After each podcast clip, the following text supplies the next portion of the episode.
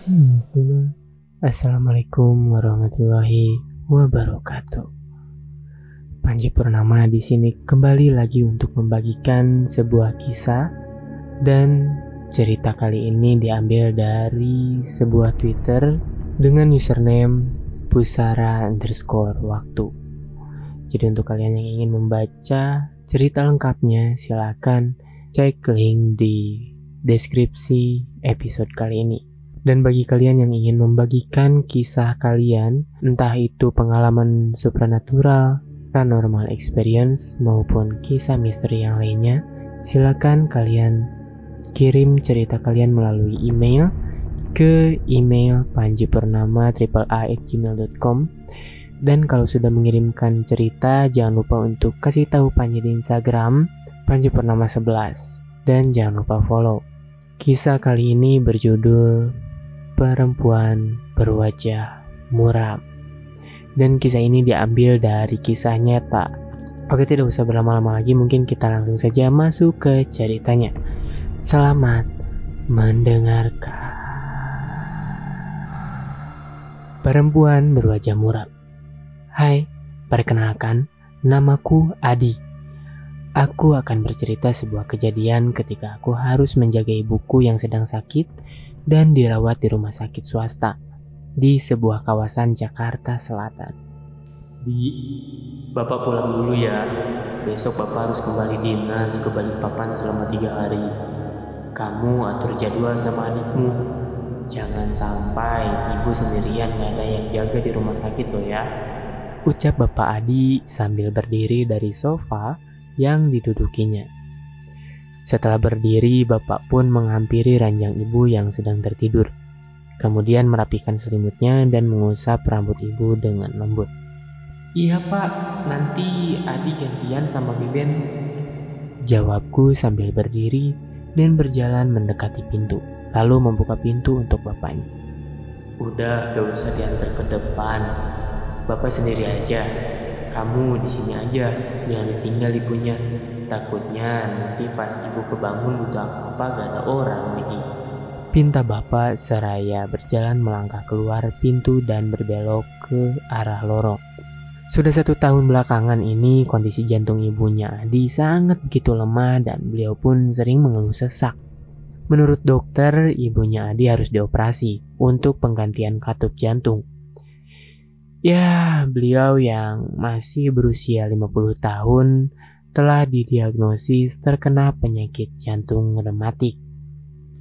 Jantung rematik merupakan jenis jan Jantung rematik merupakan jenis penyakit jantung yang disebabkan karena adanya infeksi bakteri di masa kecil dan mulai muncul ketika sudah berusia dewasa. Penyakit itu mempengaruhi sendi dan katup jantung ibunya Adi. Tapi karena kondisi ibunya Adi yang tidak pernah stabil, Saran melakukan tindakan operasi pun selalu gagal. Selamat malam, Bu. Waktunya minum obat tensi ya. Ujar dua orang perawat perempuan yang memasuki kamar inap dan membangunkan Ibu Adi dengan lembut. Sus, saya boleh nitip ibu sebentar gak? Saya mau beli nasi goreng di depan buat jaga-jaga kalau tengah nanti saya kelaparan. Ucap Adi meminta tolong. Iya mas, saya tunggu ya, tapi jangan lama-lama. Saya ganti shift sekitar 15 menit lagi. Mau pulang cepat semuanya.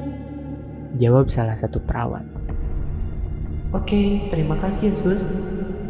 Adi pun bergegas keluar dan melirik jam tangannya yang sudah menunjukkan angka 21.45 menit. Adi pun semakin mempercepat langkahnya. Hampir setengah berlari Ruangan ibunya dirawat berada di gedung bagian sebelah kiri dari gedung utama. Jadi, ia harus berjalan melalui dua lorong koridor terlebih dahulu untuk menuju pintu keluar. Lorong pertama menyambungkan ruang operasi, baik operasi minor maupun operasi mayor. Kemudian setelahnya ada ruangan radiologi. Dan di ujung lorong ada sebuah kantin semacam food court tapi biasanya jam 9 malam mereka sudah beres-beres dan bersiap untuk tutup. Selepas lorong pertama, tiba-tiba saja Adi merasa seperti mencium harum parfum. Seketika ia pun menghentikan langkahnya dan melirik ke arah kanan. Kosong. Dan tak nampak siapa pun di sana. Hanya Adi sendirian yang sedang berjalan di lorong tersebut. Adi berusaha untuk tetap positif thinking Pikirnya saat itu mungkin ada yang baru lewat dan meninggalkan jejak parfumnya yang masih menempel di sepanjang lorong itu. Adi pun meneruskan kembali langkahnya menyusuri lorong kedua. Dari jarak ia berjalan kurang lebih 25 meter di depan, tiba-tiba Adi melihat sebuah siluet bayangan seorang perempuan dan jujur Adi agak was-was mengingat malam itu ia berjalan sendirian di lorong. Adi pun berdoa di dalam hati. Tuhan, semoga ini perempuan beneran. Please Tuhan, semoga ini perempuan beneran. Langkah Adi semakin dekat dengan posisi perempuan itu berdiri. Semakin dekat jarak mereka, semakin keras pula detak jantungnya berdegup. Terlebih ketika kakinya sejajar dengan perempuan itu. Adi memejamkan mata, tak berani untuk melirik ke arah perempuan itu. Sebuah panggilan yang terdengar sedikit ringkih. Suara itu menghentikan Adi melangkah. Lalu napasnya tercekat seketika. Perlahan, ia membuka matanya dan membalikan badan sembari berdoa. Semoga ini perempuan nyata. Ucapnya dalam hati dengan jantung yang semakin menderu. Kak, beli air mineral jam segini di mana ya? Tanya perempuan itu. Suara itu lembut dan membuyarkan doa Adi. Adi pun memberanikan diri menatap wajah perempuan itu. Kalau di sini sih udah tutup. Tapi di seberang rumah sakit masih ada yang jual kayaknya. Jawab Adi sambil meneliti dengan seksama wajah dan pakaian perempuan itu. Sepertinya ia baru berusia 24 tahun. Rambutnya panjang sebahu dan diikat ke atas. Dia juga mengenakan sweater berwarna krem dan bawahan celana kain berwarna abu-abu. Dengan ragu-ragu, Adi pun melirik kakinya. Dan...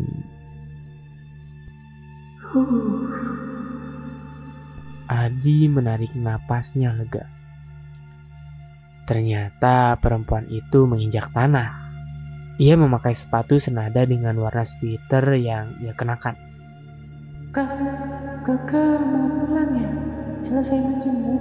Tanya perempuan itu bertanya lagi pada Adi. Udah sih, ini aku mau beli makanan di seberang rumah sakit.